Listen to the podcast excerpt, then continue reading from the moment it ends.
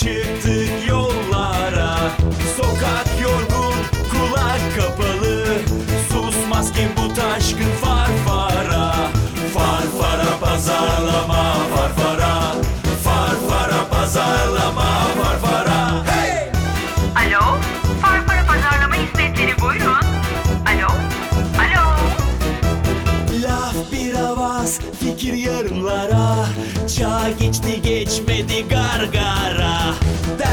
serbest yeni bir nefes Oyun için biz de sevdik farfara Farfara pazarlama farfara Farfara pazarlama farfara Hey! Huhu! Pabucu yarım çık dışarıya oynayalım Huhu! Pabucu yarım çık dışarıya oynayalım Herkese merhabalar. Farfara Pazarlama'nın yeni bölümünden hepinize merhaba.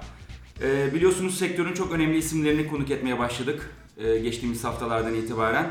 Bu hafta da çok önemli, çok değerli bir isim bizimle beraber. Ee, Uğur Batı bizlerle. Kendisini aslında televizyonlardan oldukça e, tanıyorsunuz. CNN Türk'teki gündem özel programından. Ee, ama e, aslında çok farklı bilmediğiniz e, yönleri de var. Ee, bugün onunla birlikte e, karar verme süreçleri, davranış değiştirme yolları, beynimizin sırları gibi böyle bazı konulardan konuşacağız. E, konu çok popüler ama Türkiye'de de çok kimse e, çok bu işin derinine e, inmemiş durumda şu anda. E, o yüzden biz de çok e, güzel bir konu olacağını düşündük bunun. O yüzden bunu konuşacağız. E, öncelikle hoş geldin diyelim. Hoş bulduk. Ben çok teşekkür ederim davetiniz için. Ee. Akan da bizimle beraber e, ama o artık programın e, bir de- demirbaşı olduğu için ayrıca tanıtma ihtiyacı Ne size. güdüğü belli olmayan adam yani. Katılımcı mı, moderatör mü? Evet ne güdüğü. Şey, e, bir bilir kişi yorumu. ya olarak bırak. Zaten saçı da bir garip Evet, olmuştu. Ya evet hani bu arada şey saçımı kestirdim. Yani az önce Uğur'a a, şunu anlatıyordum. 4 yıldır bir tane şeyim var, berberim var. 4 yıldır saçımı rezil ediyor ama 4 yıldır her çıktığımda nefret ediyorum görüntümden. Ee, ve 4 yıldır hep aynı berbere gidiyorum. Ee, aynı şekilde saçlarımı kesiyor. Aynı soruyu soruyor. iyi olmuş mu diye soruyor. aynı şekilde çok iyi olmuş diyerek kalkarak Berberin inşallah gidiyorum. dinlemiyordur bu arada. Yani burada bir davranışsal bir manyaklık var tamam mı? Evet, bunu da konuşacağız. Bunu konuşmamızda fayda var. Ben niye nefret ettiğim berbere 4 yıl boyunca çünkü berber değiştirmek çok zor geliyor bana. Çok zor. Ama hiç hiç memnun değilim berberimden. Ama... Dolayısıyla ben Uğur, abi seni bunun için çağırdım diye. Ben bunu, Nasıl kurtulurum? yani ben bu berber sorunu nasıl çözerim noktasını e, için çağırdım. Başka bir şey sormayacağız. Sen de mi Hamdi'ye gidiyorsun? Evet. Yoksa ben de ben. Meğersem Hamdi diye her zaman şarkısının saçını rezil ediyormuş. Aynı adama gidiyorum, aynı yere gidiyorum, aynı nokta şeye oturtuyorlar beni, aynı espri yapıyor, aynı laflar ediyor. Adam abi inanılmaz bir şey değiştiremiyorum davranışımı, vallahi değiştiremiyorum. Çünkü böyle berber olayı sanki şey gibi bana tamam böyle yeni berbere gitmek abi böyle yeniden bir flörte başlar gibi geliyor tamam mı? O alışma süreci, değil mi? Kendini flört. tanıtma süreci Biliyorum, böyle. o herif, biliyorum abi odun gibi espri yapacak, abuk subuk sorular soracak, aynı cevapları verecek, aynı şeyde de gülecek herif. O ilişki tamam mı oturmuş bir ilişki olduğu için adam 4 yıldır rezil ediyor beni ya. Ya kuşa döndürdü beni. Bir şey söyleyeyim mi? Evet, söyle abi. Hiç dertlenme. Evlilikler de bu yüzden devam ediyor. İşte ama abi ya. Yaklaşık öyle yani. Ya rezil etti ya saçım. Valla kuşa döndürdü beni ya. Ben yakışıklı bir herif değilim tamam mı? ama bu kadar da olmamalıyım gibi geliyor bana ya. Valla odun gibi. Şu anda aynaya bakıyorum bu arada görmeye de için. Yok yok fena sayılmaz bence. Ya bırak Allah aşkına ya. Yani evet e, ben de bugün buradayım. Ee, ne olduğumu bilmiyorum. Yani bazen katılıcıyım, bazen moderatörüm. Ne güdüğü belli olmayan bir adamım. Zaten bu İyi ki arada varsın. diyelim. bu arada şey e, Farfar Pazarlama bugün sabah, sabah bir şey gösterdim Ozan'a. Farfar Pazarlama'nın üzerine şey yazdık. Ozan anlaşla Farfar Pazarlama. Bu durumda Teveccühünüz Farfar'a efendim. Farfar Pazarlama adı tamamıyla sana ait Ozan. Teşekkür ben ediyorum. burada artık yani, Yok çağırdı. Programı kilitleyici Çağırdı. çağırdı. Abi işte işte tipik patron tribi ya. Bir anda bir baktın 8. bölümde program artık Ozan anlayışla fark var ve gitti. Yani küserek buradan ayrılıyormuşum yani tamam. Onun için buradayım ama niçin buradayım ben de tam olarak netleştirmiş değilim ama zamanla netleşecek. Hatta fikir de şöyle başlamış. Ozan sen de bir podcast hazırlayalım. İnanılmaz bir şey olsun. Süper birlikte sunalım. 9. bölümde sen devam edersin. Kafa, kafasındaki fikir. Valla ama öyle. Ya, o program artık tamamıyla yani Ozan Anlaş'la Farfar Pazarlama oldu. Teşekkür ediyoruz efendim. Şimdi e, kısaca Uğur seni aslında çok kişi tanıyordur eminim bizim programımızı çünkü pazarlama dünyasından birçok isim e, takip ediyor ama kısaca ben de bir bahsetmek istiyorum bilmeyenler için daha Tabii. geniş bir kitlemiz var çünkü. Ee, bu arada konuşmalarından e, derledim, kitaplarından derledim e, bunları. Umarım bir yanlışlık yoktur. Yanlışlık varsa düzelt lütfen. Ee, şimdi 1995 yılında aslında reklam sektöründe başlıyorsun reklam yazarı olarak. Ee, ondan sonra bir Telsim maceran Evet. oluyor. Müşteri tarafına geçiyorsun ama bir yandan da 2000'li yıllarda üniversitede akademik e, hayata başlıyorsun. Telsim Yedi- sonrasında. Evet, Telsim sonrasında Yeditepe Üniversitesi'nde. Sonra tekrar bir ara reklam ajansına dönüyorsun. Evet bir 3 yıl daha Üç burada yıl daha. İstanbul'da çalıştım. Ama şimdi artık sanıyorum son 5-6 yıldır tamamen e, akademi Aslında tarafı. şöyle, e, 2012'de Borsa İstanbul'un kurumsal iletişimi markasından sonra direktörüydüm. 4 yıl onu yaptım. 2016'dan itibaren de işte 2 yıldır üniversitede Hı. e, danışmanlıklarla devam ediyorum. Şimdi nöro pazarlama, e, karar ve ikna süreçleri nasıl geliştirildiği, tutum ve davranış değişiklikleri üzerine e, genelde çalışıyorsun. Bunlar aslında çok geniş, sadece pazarlama üzerine değil, işte siyaset, Tabii. e, spor, birçok alanda sanırım e, bu şeyler, süreçlerle ilgileniyorsun. Şimdi hakikaten bu konuları şöyle sormak istiyorum ben. Bu, bu konular üzerine e, aa, pardon. E, önce şunu söyleyelim isterseniz. Şimdi e, Uğur'un 3 tane kitabı var. E, Sinaps Pardon, e, bizde yani 3 tane kitabı var, bizde kitabı var da bizim elimizde 3 tane Biz seni çok anlayamamışız sen. Biz üç, üçte kaldık. Zaten sadece 3 tanesi bir şey benziyor. Dolayısıyla sorularımız o üç tane kitapla ilgili. Geri kalanla ilgilenmiyoruz hepimiz. Ve şu an bahsettiğiniz kitap onlardan biri değil dermiş. Ama şey ama neresinde tutacağımızı bilmiyorum. Bizim koca şirkette sadece 3 tane kitap var. Tamam tamam. Onlar da Uğur senin. Ee, aslında Onları da veriyoruz bu arada. Sıfır kitapla kalacak. Onlar da şu anda Çok üstüm koptu. Biraz da onlardan dağıtacağız. Dolayısıyla sıfır kitap kalacak. Yani. Böyle şirketimin cehalete düşürdüğünü düşünüyoruz. Hatta şey diyorsun. E, e, bu ülkenin başına ne geldiyse okumuşlar kitapçılardan gel. Herkes cahil olacak. Şirket olarak okumaya inanmıyoruz. Üç tane kitabımız vardı şirkette onlar. onlar da bu, geyik dedik. geyik, biraz olay, geyik olayına girdi. Çok özür dileriz. Aslında e, Ozan şunu söylemeye çalışıyor. Biz üç tane Evet. kitap aldık. Uğur'da, U- U- Uğur'un kitabını aldık. Sinaps aldık. Onları bugün Evet. size hediye etmek istiyoruz. Üç kişi ama bir şartımız Evet var. şimdi e, program içerisinde sizlerle bir şifre paylaşacağız. Biliyoruz programımız canlı değil. Bu atlayabilirsiniz yani o şifrenin olduğu bölüm ama e, bir anda gelecek. E, şimdi bu verdiğimiz şifreyi e, info at farfarapazarlama.com adresine e, yollayan 3 kişi, ilk 3 kişi daha doğrusu bu kitabı kazanacak. E, programın ilerleyen dakikalarında size şifreyi söyleyeceğiz. Programın sonunda da tekrar edeceğiz bu duyurumuzu. E, nereye göndereceğinizi. O şekilde bize iletirseniz. e, Dolayısıyla sizi- çok basit Evet. aslında bir e-mail atacaklar. E-mailde şifreyi söyleyecekler. Bir de adreslerini söyleyecekler. Evet. Biz adreslerini bu imzalı kitabı kargolamış Evet, olacağız. aynen öyle. Peki, e, şimdi konumuza dönecek olursak ben dediğim gibi bu konuyu hiç bilmeyen birisi gibi sormak istiyorum. Tamam. Çünkü bu konu gerçekten e, bilmeyen ya da bildiğini zanneden e, birçok kişi var ama gerçekten e, bunu biraz daha derinliğe inip bir uzmanın e, bakış açısıyla değerlendirmek e, gerektiğini düşünüyorum. O yüzden e, lütfen soracağım soruları böyle ama ya bu da bilinmez mi falan diye e, düşün, düşünme. E, Ağzımıza ağzımıza vuruyormuş. Allah'tan podcast. Bir şey. Şimdi şeyi aslında ben şu- şöyle başlamak lazım. Yani beynimizin karar verdiğini bilmek, e, işte bunlar üzerine çalışmak neden önemli, işte veya nasıl karar verdiğimizi çözmek, bizi veya markamızı diğerlerinden nasıl farklılaştırır, neden buna ihtiyacımız var? Belki böyle başlayabiliriz. Ya şöyle aslında e, sinir bilim ya da nörobilim ya da beyin bilim. Eğer bu alana ilişkin literatür 100 yıl önce gelişmiş olsaydı veya aydınlanma çağını takip eden sanayi devrimi o süreçleri takip ettiğimizde biz bu bilgilere sahip ol- olsaydık şu an aslında e, işte ikna, motivasyon, karar bilimi vesaire üzerine konuştuğumuz dolayısıyla marka, reklamcılık üzerine konuştuğumuz her şey aslında sinir bilimin bu alanlarla bağlantısının üzerine oturtulmuş olacaktı. Lakin öyle bir durum yoktu.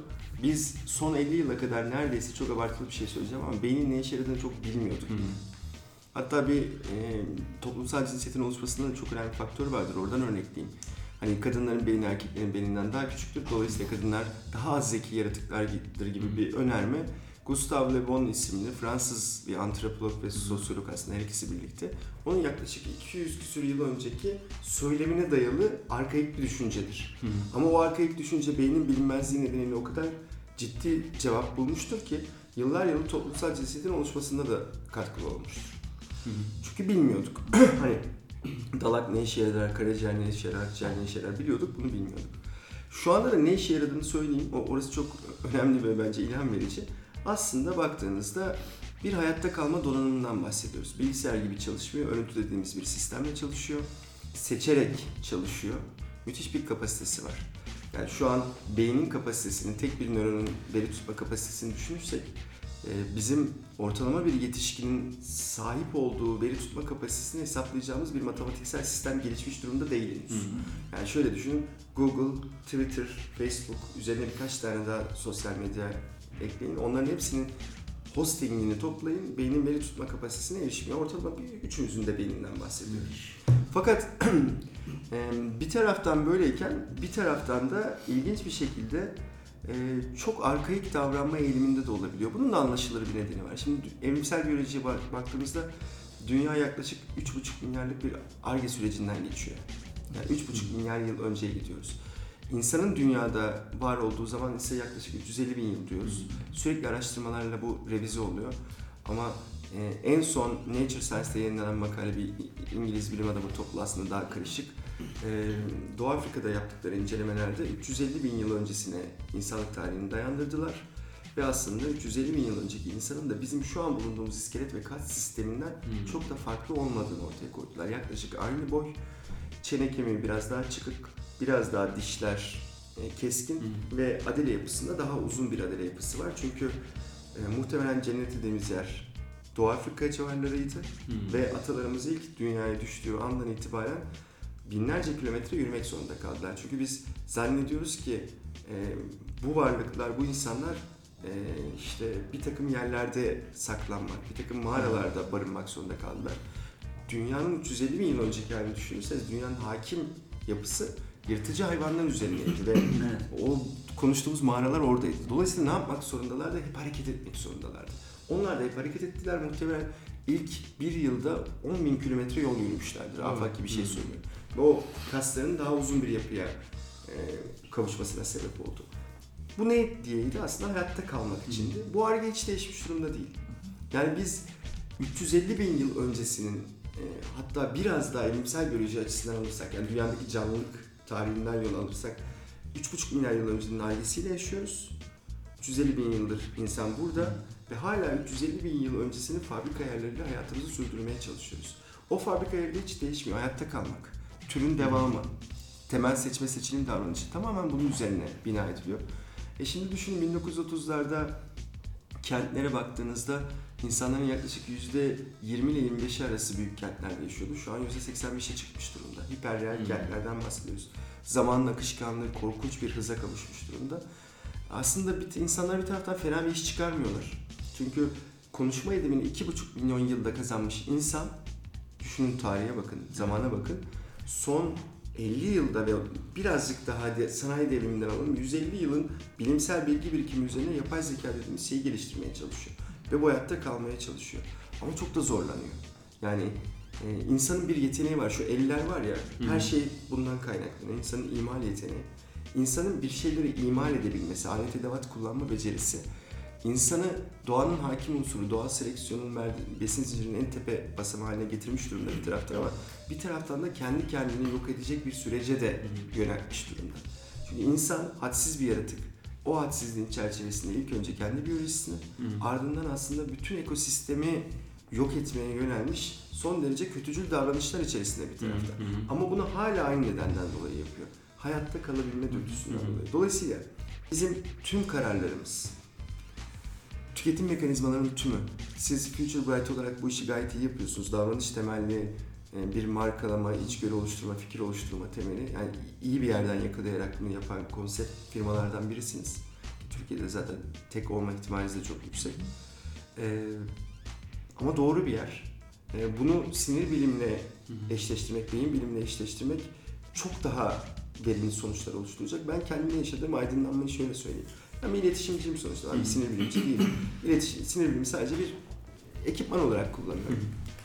Ama işte 95 yılında daha öğrencilik yıllarımda başlayan bir mesleki kariyerim ve sonuçta hep ikna, motivasyon, karar, mesaj oluşturma hep bunun üzerine çalışmışım.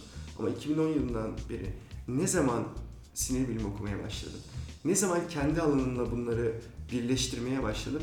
Ben şu an 2010 yılından önce yaptığım sunumları yapamıyorum bile. Hmm. Çünkü şu yüzden yapamıyorum. Ne söylesem artık sebebini tam bilemesem bile literatür bilgisi olarak ortaya koyduğumuz ve altını insan doğasıyla birleştiremediğimiz pek çok şeyi anlamlandırma aşamasındayım.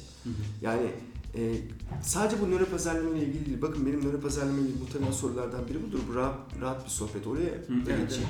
Yani e, nöro pazarlama mesela nereye kadar gidecek bilmiyorum ama geldiği nokta şu an hani geleceği noktanın belki yüzde biridir.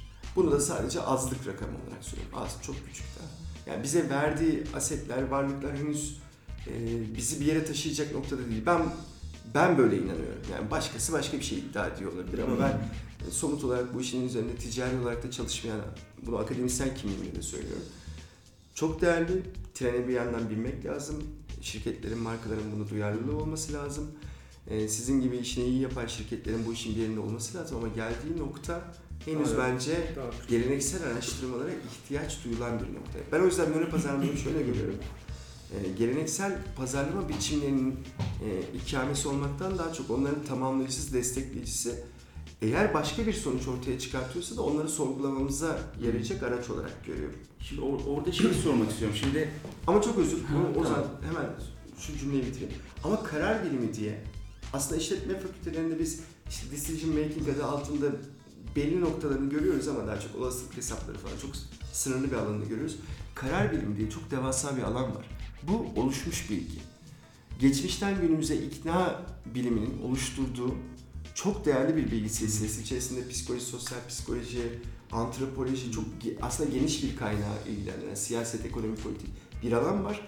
Bunun son 20 yıldaki gelişmelerle birlikte sinir bilimine e, eklemlenmiş halleri var. Çok değerli veriler var. O bilgi elimizde. O bilgiyi kullanmak için illa nöro pazarlamayla hemen onları test edip de e, ardından bir implikasyon oluşturup Hmm. şu an bence o aşamada değiliz. Yani evet faydalı ama karar biliminin kendi literatür alanını kullandığımızda daha mesajları teşkil aşamasında, içgörüyü ortaya çıkarma aşamasında zaten çok değerli şeyler veriyor bize. Zaten bu arada şey, sen bir şey soracaktın o zaman. şey yaparım. Ee, bir kere bu biraz oradan şey getireceğim. Önemli bir şey söylediğini düşünüyorum. Ama bu arada nöro pazarlama, o pazarlama kelimesi çok geniş bir şey ya. Aslında ben bence de nöro pazarlama dünyasının o pazarlama tarafına odaklanmak yerine birazcık Türkiye bir Fed ülkesi ya Fast Adaptation, Fast Decline çok hızlı bir şeyi adapte ediyoruz sonra çok hızlı da vazgeçiyoruz. Biraz e, nöro pazarlamanın e, o derin içgörüye yönelik kısmını birazcık Türkiye'de unuttuğumuzu ve orası birazcık nöro pazarlamayı tespit dünyasına ittiğimizi düşünüyorum. Yani araştırma, özellikle araştırma tarafından alacağım. Çok test için kullanıyoruz sanki. Ama nöro pazarlama, pazarlama bir, bir şey sadece test etmez ki sıfırdan yaratır, inovasyon yaratır, içgörü bulur vesaire. Ama e, şu anki işin yani o bütçelerin dö- dön- döndüğü dünya nöro pazarlamada sadece test aşamasında olduğu için Fast Decline'a çok hızlı geleceğimizi düşünüyorum bu şekilde. Sen ben de aynı Çok haklısın. ben de aynı haklısın. bir olan ve çok derin dünyalara gidecek. Yarın öbür gün pazarlamayı yeniden e, pazarlama kurallarının yazılmasına sebep olacak bilim şu anda bir test dünyasına iteklenmiş ve bir makine dünyasında yaşadığını düşünüyorum. Ama öncesini nöro pazarlamanın o pazarlama kısmındaki içgörü bulma tarafını kimse Türkiye'de doğru düzgün konuşmadığı için nöro pazarlama şu anda e, o nöro e, bilimden nöro teste geçmiş durumda. Onun için ben nöro pazarlama diyemiyorum bugün yapılan işlerin büyük bir kısmına. Nöro tespit diyebiliyorum açıkçası. Ve çok yazık oluyor gibi geliyor bana. Çünkü her şey, herkes makine satmaya çalıştı dünyada ve emin ol markalara makine satmaya çalışıyor. Kafaya bunu koyuyoruz. İşte FMI bilmem ne yapıyoruz vesaire. Oysa ki işin müşteri şu anda e, marka tarafı işin içgörü tarafını çok merak ediyor. %1'in %2'ye getirilmesi için o e, getirilmesini isterken biz çok makine konuşuyoruz. Benim en büyük korkum o daha %1 olan ve pazarlamayı bütün dünyada değiştirecek şeyin Türkiye'de e, biz Türkiye'de öne geçtiğimiz, ay çok konuştum soruyu soramadım hala ama gene de söyleyeyim. Biz Türkiye'de öne geçtik dünyadan e, nöro pazarlama şey e, tespit tarafında ama işin bilim tarafında çok gerideyiz. Yani biz bir içerik yaratamıyoruz. Biz içgörüyü bulma, sıfırdan ürün bulma, sıfırdan konsept yaratma noktasında nöro pazarlamada çok bir şey yapmıyoruz gibi görünüyor.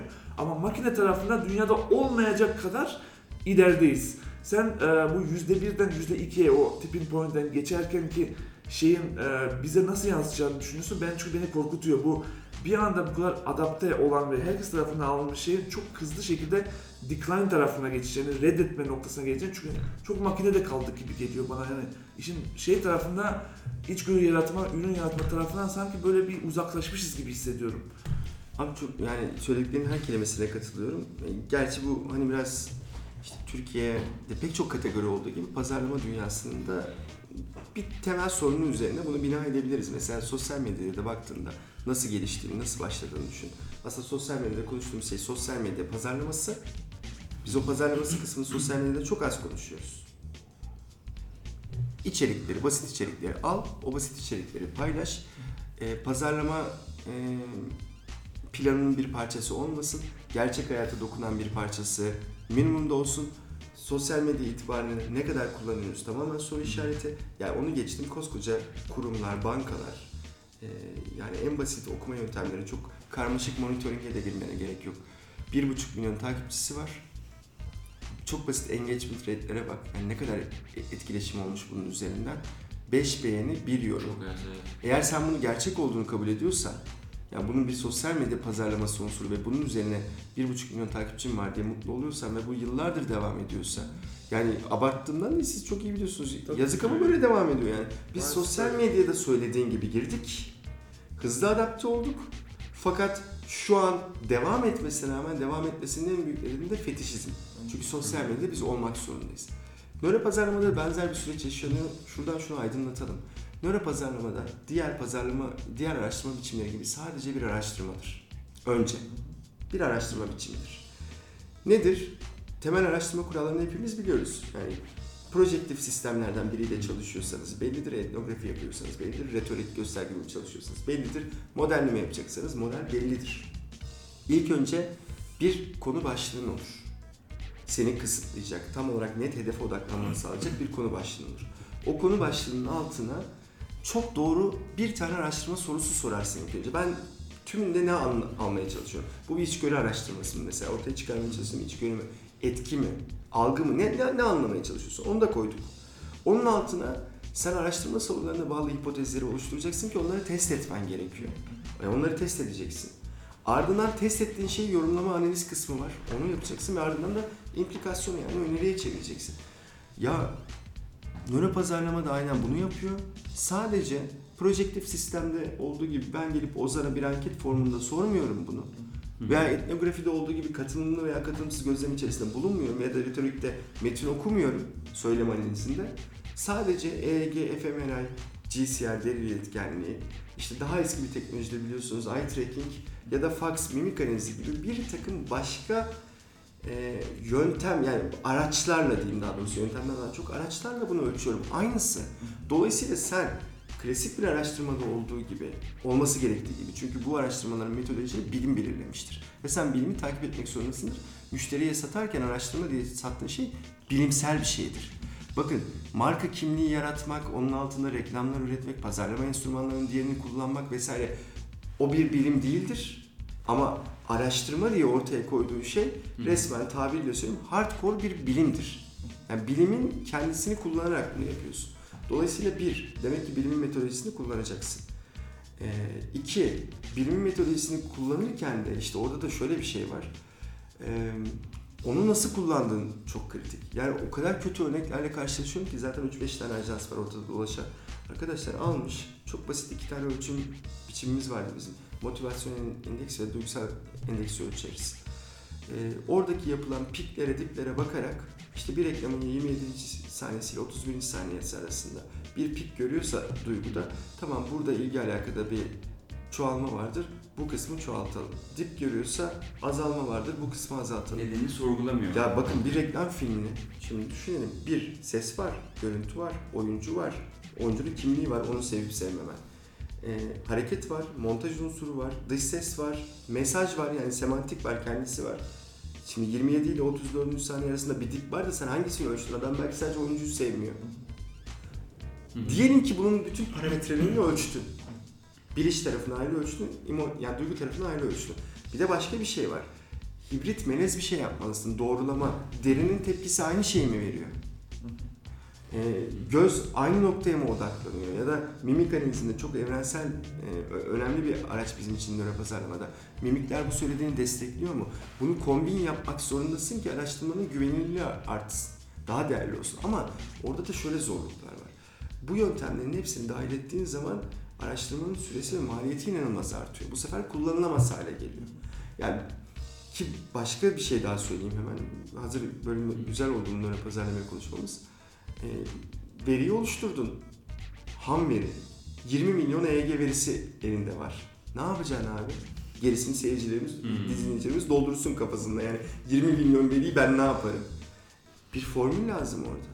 Dünyada kullanılan birkaç tane temel formül var, değerli formül. O formülü oturtturmak lazım. Yani sen çözemezsin bunu. Formülün senin adına çözmen lazım.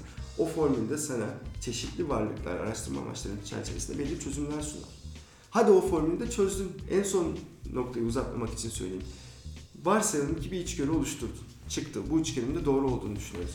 E bu içgörünün kullanılabilir bir içgörü olması lazım. Artık bir takım implikasyonlarla. Çünkü nöro pazarlamayı bazılarımız yanlış algılıyor. Nöro pazarlama sadece bir araştırma yöntemi değil. Araştırma sonrasında sana doğru yolu yine insan beynisinden, doğa, doğasından kaynaklanan yani bizim projektif tekniklerde söylemediğimizi veya teknik yanlışlar nedeniyle söylememe ihtimalimizin olduğu alanları aydınlatıyor ya bize. E tamam çözümünü de aydınlatmalı ki düşünsene nöro pazarlamayı yaptın.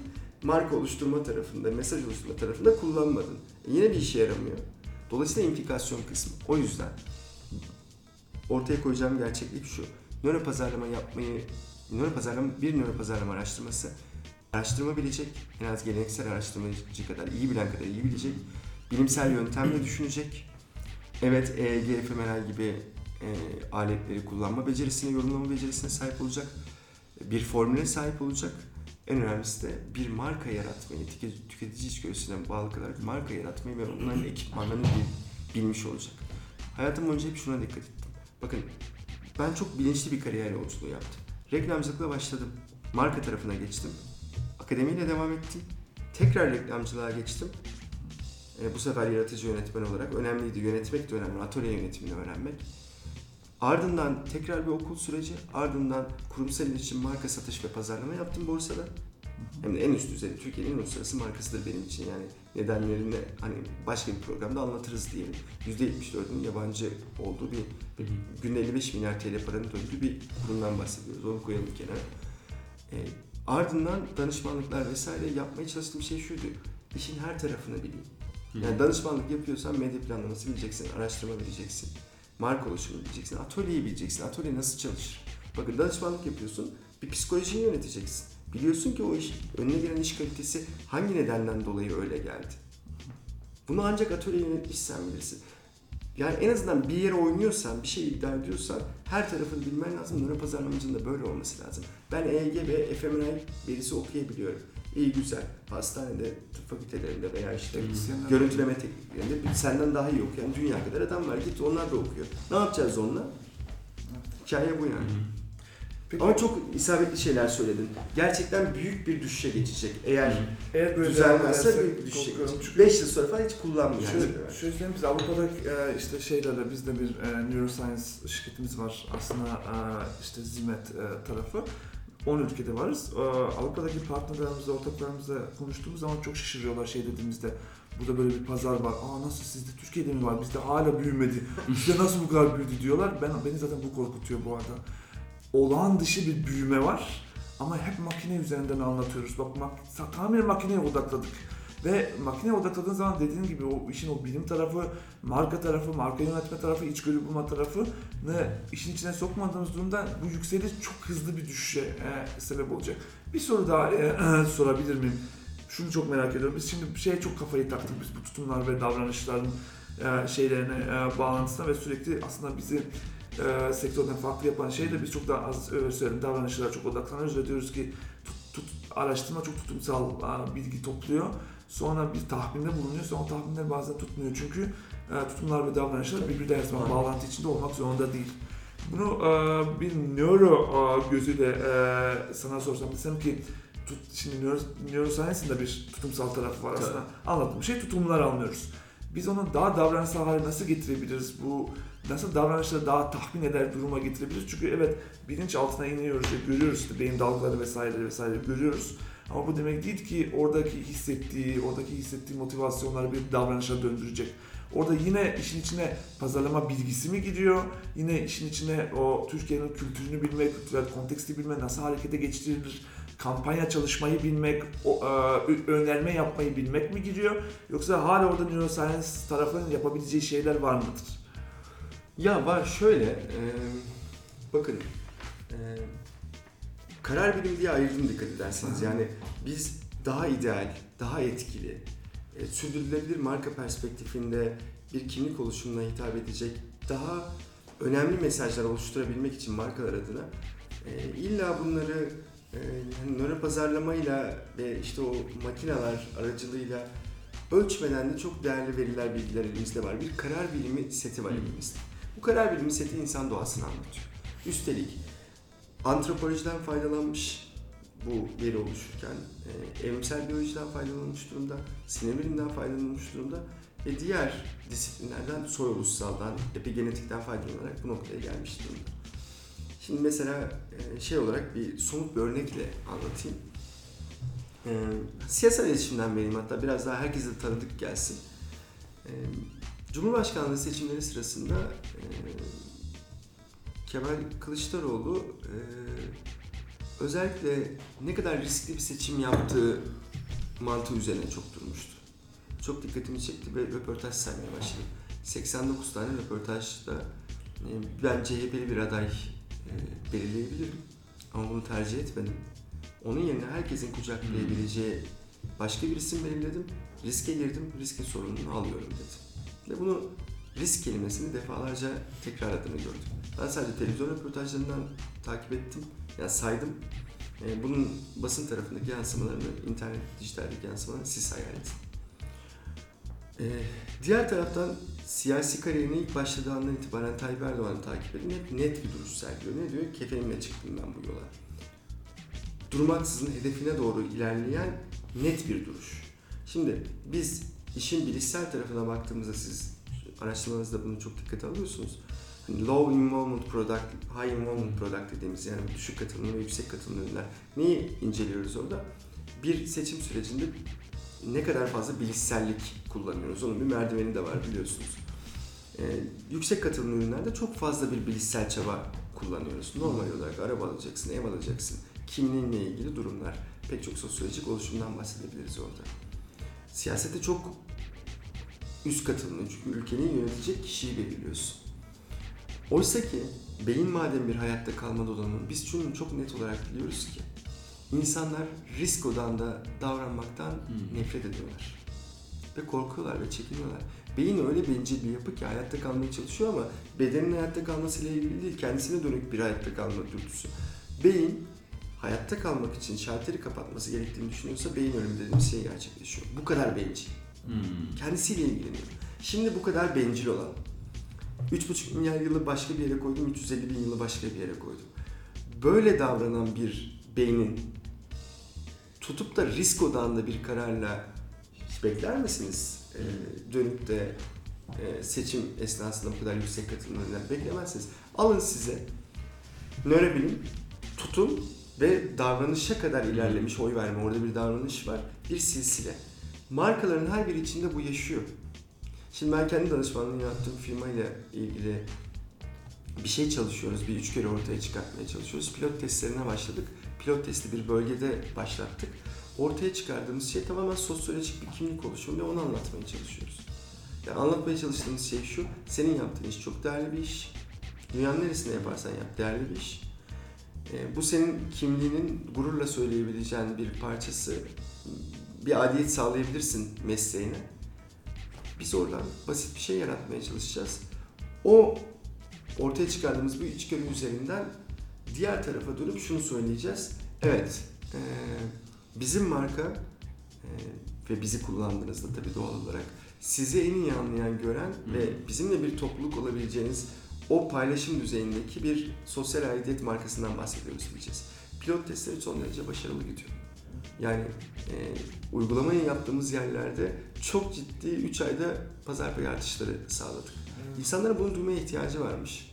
Bakın mesleğini tekrar tanımlıyoruz kendisine. Tabii bir takım reklamcılık söylemleri üzerinden tanımlıyoruz. İnsan son derece karmaşık olan bir taraftan, müthiş bir kapasiteye sahip olan bir taraftan düşünürken de acayip de arkaik davranabilen bir varlık. Yani kendisi çok karmaşık, çıktıları çoğu zaman çok basit. Biz gerçi nörobilimde şey deriz, insanlar sonsuz derecede ilginç ve karmaşık deriz. Bunun binlerce örneğini görmüyor muyuz pazarlamada? Ben şimdi ikinize gelsem Ozan Akan ya bundan 5 yıl önce. Benim kafamda bir fikir var, çok acayip bir fikir olacak. Çok sağlam bir altyapıya ihtiyacımız var ama. Bir sosyal medya oluşturacağız. O sosyal medya için bir aplikasyon oluşturacağım. Bir bütçeye ihtiyacım var. 50'şer bin dolar ikiniz de verir misiniz? Yapacağımız şey şu. İnsanlara kedi, köpek, tavşan şeklinde göstereceğimiz bir aplikasyon yapacağım desem. Dilan falan gibi veya başka bir tabirle oldu hadi birlikte içelim falan dönersiniz ama 13,5 milyar dolar bir marka değerinden bahsediyorlar. 5 yılda Evet. oluşmuş. Şimdi bu bana insanların bayağı ilginç ve karmaşık olduğu sonucunu hatırlatıyor tekrar ama öyleyiz gerçekten öyleyiz. Nörobilim dolayısıyla hani toplayayım bir sebepleri açıklama doğrultusunda ee, iki yeni sebepler ortaya çıkarma konusunda bunda ikna mesajın oluşumu diyorum.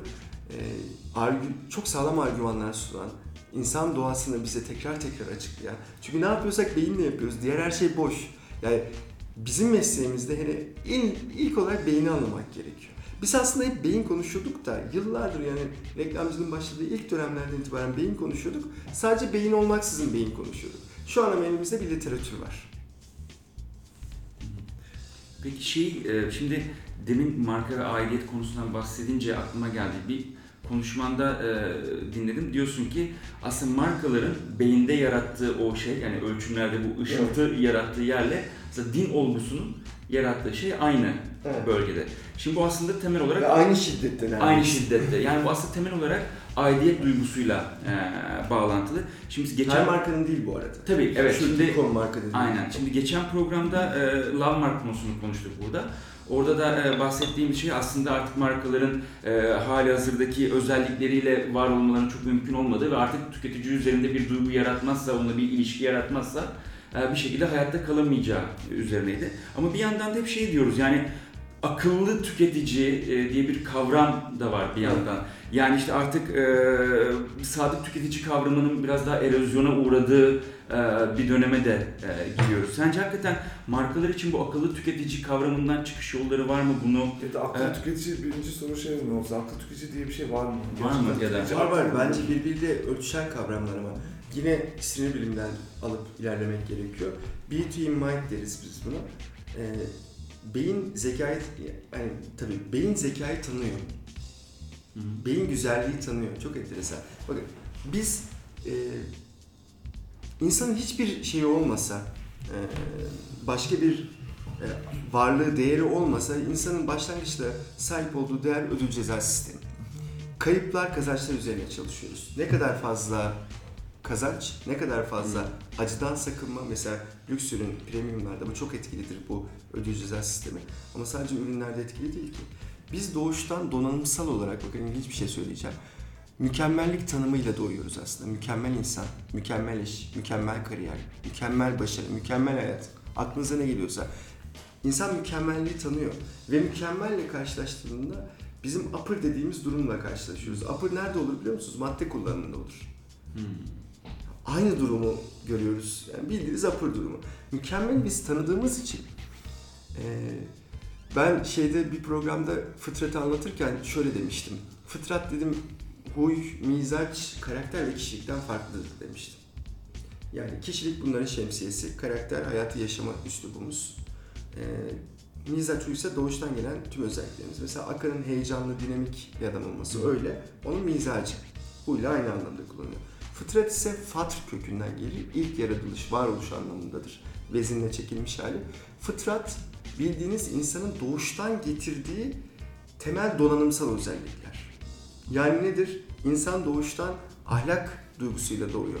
Nörobilim bunu pek çok ispatını yapıyor artık. Biz insanlar kötü mü doğar, iyi mi doğar diye konuşuyoruz ya, bir tartışmadır ya felsefe. İnsanlar iyi doğar.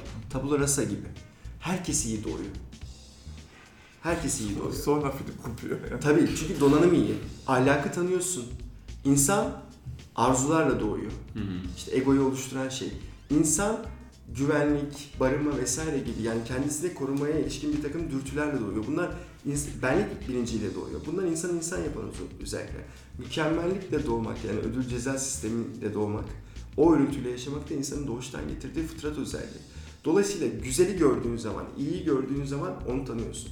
Akıllı tüketiciye gelince akıllı tüketici fiyat duyarlılığı olan, fırsatları kovalayan, aynı eşdeğer üründen e, ucuz olanını eğer aynı kalite düzeyindeyse, işlevsel olarak, fiziksel olarak söylüyorum, ucuz olanı tercih eden değil ki. Akıllı tüketici aksine, şimdi bir de o donanımın üzerine yerleştirdiğimiz bir yazılım var. Çevre uyaranlar, kapitalist sistem, rejim. Akıllı tüketici şu an dünyanın %99'u kapitalist sistemle yönetildiğini düşünürsek kapitalist rejimin gerektirdiği kıstaslar çerçevesinde yaşıyor. Şu an son derece mantıklı bir şey yapıyor aslında tüketici. Ne diyor? Kapitalizmin içerisinde kıskanılır olmak, sahip olmakla başarı ilişkisi, güç, iktidar vesaire gibi kavramlar varsa tükettiği ürünlerin üzerinden ona sahip olmak isteyen tüketici, insan, birey akılsız değil ki. Zaten sistem kendisine ne şartı doğuruyorsa onu yapıyor. Zaten akıllı adam.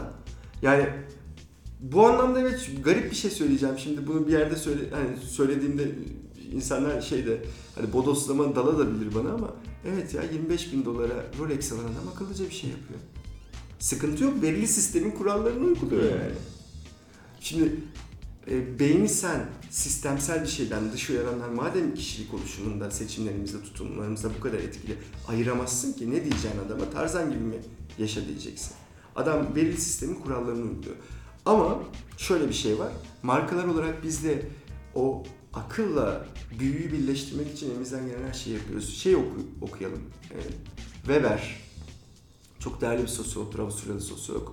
Ee, Marksizmin devamcılarından biridir. Tüketimin akılcılaştırması ve büyü- büyülemesi kavramı günümüze kadar gelen silsileyi çok iyi anlatır. Mesela e, iki örneği çok iyi bir örnektir bu konuda. E, mükemmel bir akıl ve büyünün birleştiği bir tasarım örneğidir. Ne yapar IKEA? Mekandan girdiğiniz otoparktan itibaren size bir deneyim sunar. Bir kere her şeyin tepesinde deneyim var. O deneyimi yaşamaya başlarsın, güvenlik kulübesinden girersin.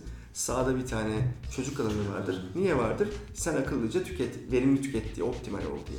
Diğer türlü çocuk bacağına dolanacak bilmem ne, anne baba falan. Kısa tutacaksın muhtemelen alışverişi. Orada o duruyor. Sonra yukarıya çıkarsın.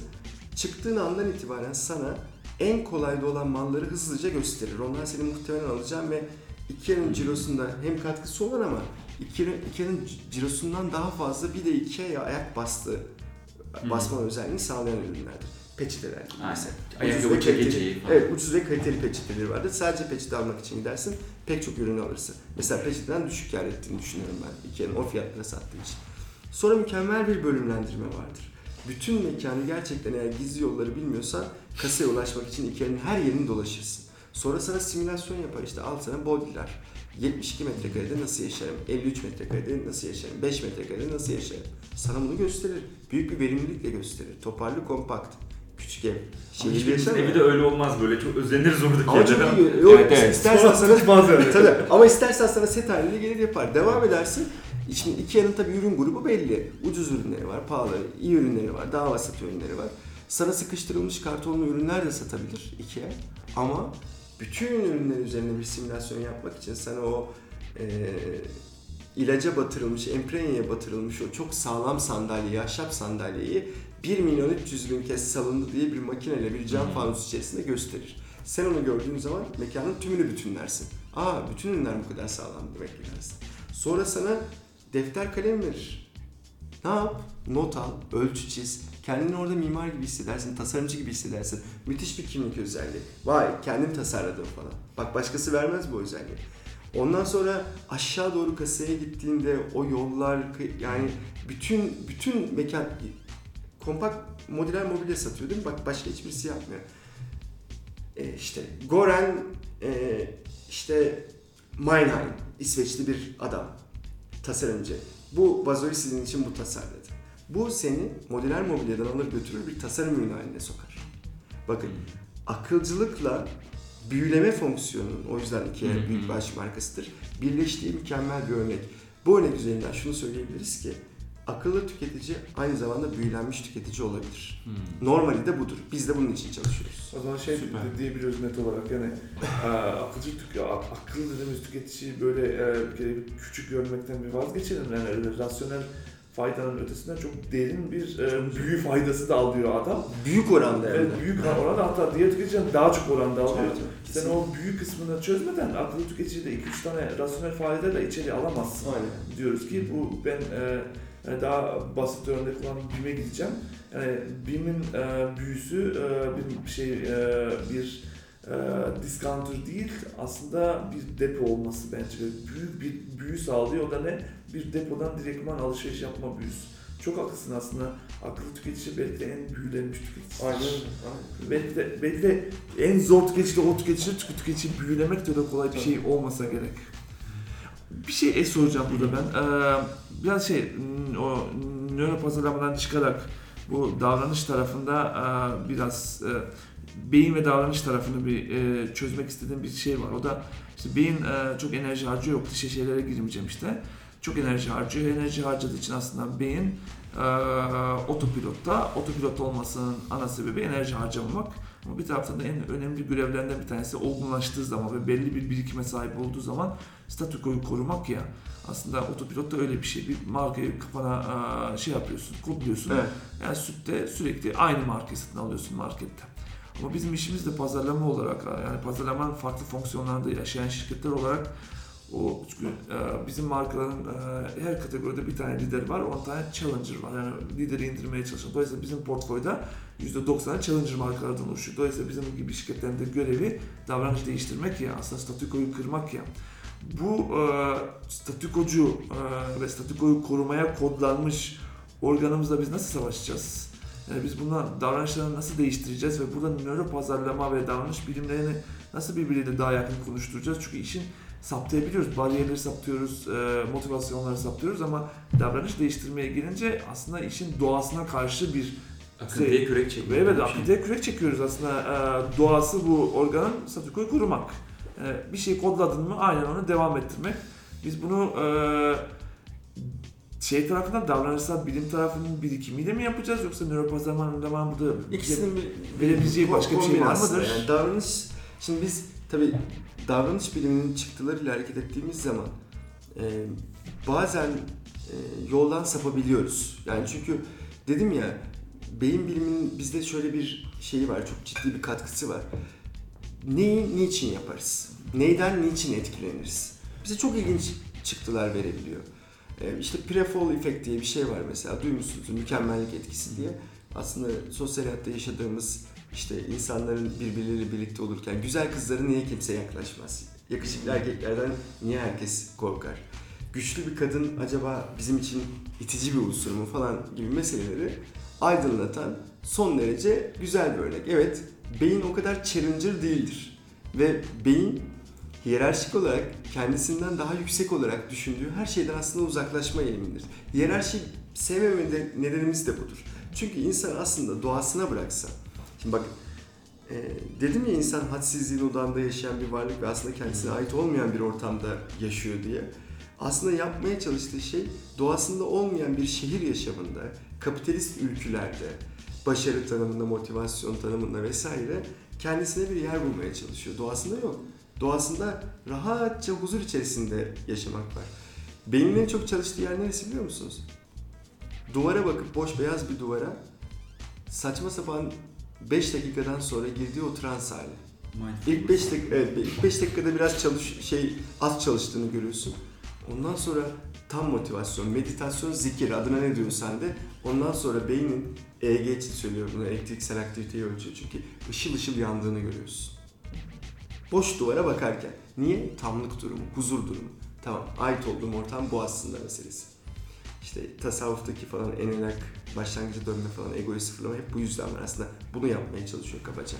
O total bir insan yaratmaya çalışıyor. Challenger marka, ya biz aslında hep şunu yapıyoruz ya. Brand salience diye bir kavram var. Marka salınımı falan gibi çevirebiliriz. Öncelikler düzeyi diye çevirebiliriz bir diğer tabirle. Biz aslında brand salience'ın içine girmeye çalışıyoruz. Yani kategorideki bazen ilk 5 oluyor, bazen ilk 10 oluyor.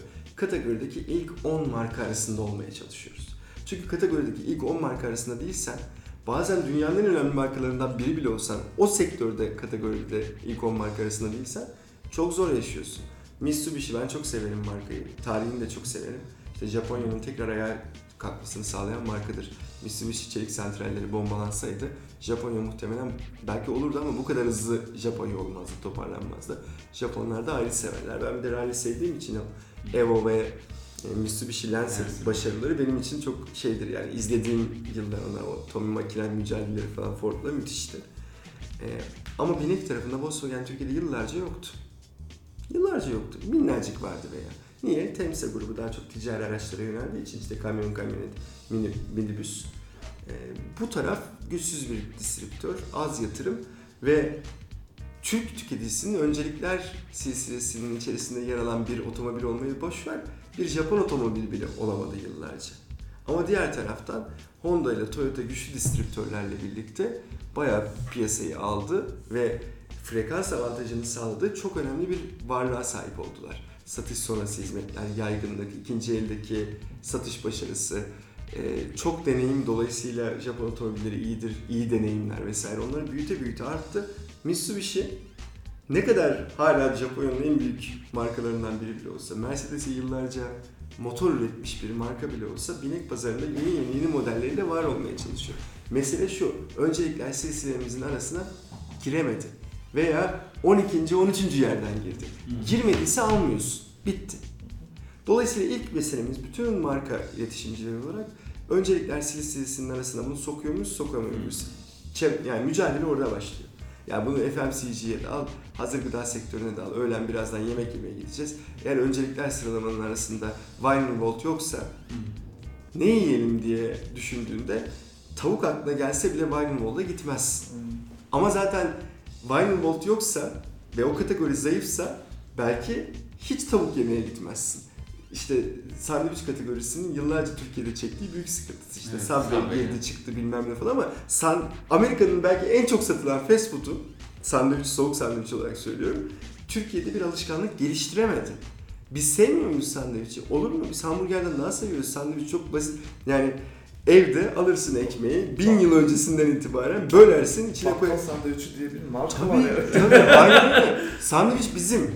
Ve Subway'in sandviçleri de Türk tüketicisinin damak tadına, alışkanlıklarına çok yakın. Ama olmadı. Dolayısıyla şunu söyleyeceğim.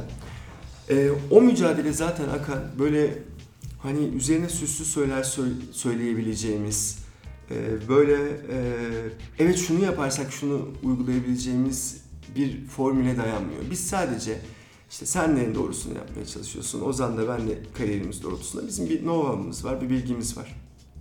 Davranış bilimleri biliyoruz. Tutum nasıl çalışır, davranış nasıl çalışır bunu biliyoruz. Tüketici içgörüsünün değerini biliyoruz. Marka kimliğinin değerini biliyoruz. Biraz önce bir arkadaşımla toplantı esnasında çalıştığım markayı analiz ederken Atasay kuyumculuktan örnek verdim. Kim yaptıysa reklamın eline sağlık. Bence çok önemli bir iş yapmışlar. Neden? Benim Bir- arkadaşım bu arada yapan kişi. Kim, kim ajansı ben Ee, TB olması lazım, TBWA. çok güzel iş yapmışlar. Neden çok güzel iş yapmışlar? Ben şuna değer veririm. Ee, marka kimliğinde bir dönüşüm sağlayabiliyorsa ki bunu devam ettirmeleri gerekiyor. Yani bu Atasay bildiğimiz geleneksel bir kuyumculuk markasından buraya doğru geliyor. Çok ekstrem, şehirli, güzel bir imaj oluşturmuşlar. Fikir iyi, söz düzeni gayet güzel yazılmış, prodüksiyon son derece başarılı. Markayı başka bir yere konumlandırmışlar. 5 yıl sonra bu reklamcılık anlayışı devam ettiği sürece başka bir yere gelecek. Ama ne diyoruz? Asıl olan marka kimliğidir. Asıl olan yaratıcı stratejidir. Reklam sadece size bu amaca doğru bir marka kimliği oluşturmaya yönelik en az 140-150 araçtan sadece bir tanesidir. Bazen hiç kullanmadan da işte Starbucks örneğini hep veririz. Yani minimumda kullanarak da ilerleyebiliyorsun. Yani benim endekslediğim en son 140 küsür tane pazarlama iletişim yöntemi vardı. 140 küsür. Onlardan bir tanesi. Biz Türk markaları olarak bunu sosyal mesajla olarak verelim. Allah aşkına reklama, reklam yaratıcılığına odaklanmaktansa marka kimliğine odaklanalım, tüketici içgörüsüne odaklanalım, sebebe odaklanalım. Yani ilk önce teşhisi yapalım, onun üzerine o teşhisi hangi yöntemle tedavi edeceğimize dair ona yaratıcı strateji diyoruz. Onu koyalım. O konumlandırmayı da ondan sonra hangi yöntemi kullanırsak kullanalım sonuna kadar büyük bir kararlılıkla devam edelim. Zaten buna bütünleşik pazarlama iletişim diyoruz. Daha şimdi çağdaş tanımlamayla deneyim diyoruz ama mesele marka kimliği. Marka hikayesi. Dün daha derste anlattım. Allah aşkına dönün ya Türk markalarının en büyüklerinden başlayarak bana Türk marka hikayeleri anlatır mısınız? Nerede? Yok. Yok. Olmadığında olamıyorsun abi işte bir üste çıkamıyorsun.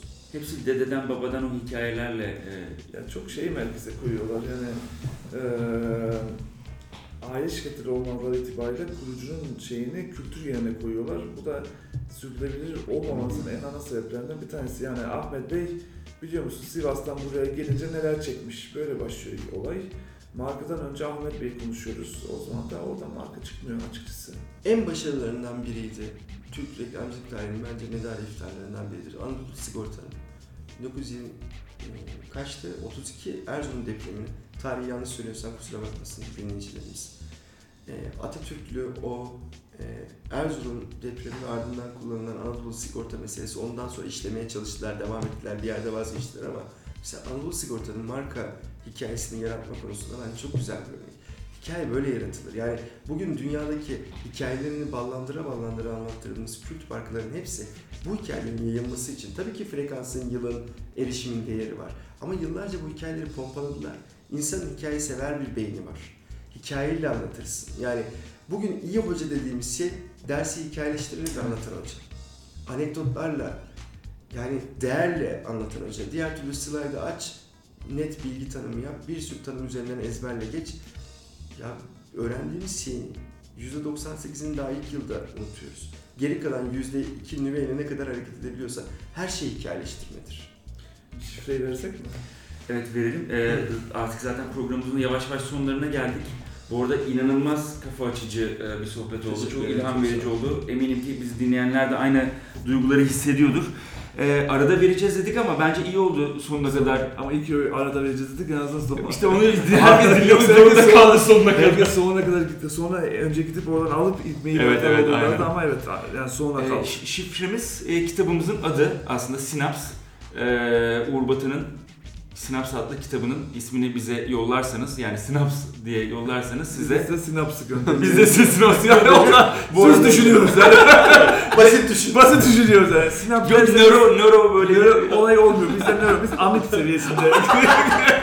amip seviyesine gidiyoruz yani. Tek hücre seviyesinde. Yani bize sinap derseniz sinaps gönderiyoruz. Böyle bak. Başka bir şey derseniz onu da gönderebiliriz bilmiyorum. Onun için başka bir şey demeyin. Mesela atıyorum pasat demeyin. Çünkü Evet. pasat göndeririz bu durumda. Bu arada el- 500 tane şifre geliyormuş. Elimizde 3 tane kitap varmış. Biz üçümüz oturmuşuz. Bundan sonraki 8 saat süresince Onları o üç okuyoruz. kitabı 500'ün hepsine göndermeye çalışacağız. olmuyor bir sayfa. Olmuyor. Bu Niye, ne olan? niye olmuyor? Bu ne onlar? Niye bunu yapamıyor? Bu kadar konuştuktan sonra 3 kitabı Dolayısıyla info e, at farfarapazarlama.com info at far- farfarapazarlama.com'a şifre sinaps bir de adresinizi yazarsanız kargolayacağız. Bunlar İmzalı imzalı, kitaplar. kitaplar. olacak. Evet. Ee, tekrar çok teşekkürler. Bugün Uğur Batı bizimle beraberdi. Sağ olun. Çok sağ olun. sağlık. Çok sağ olun.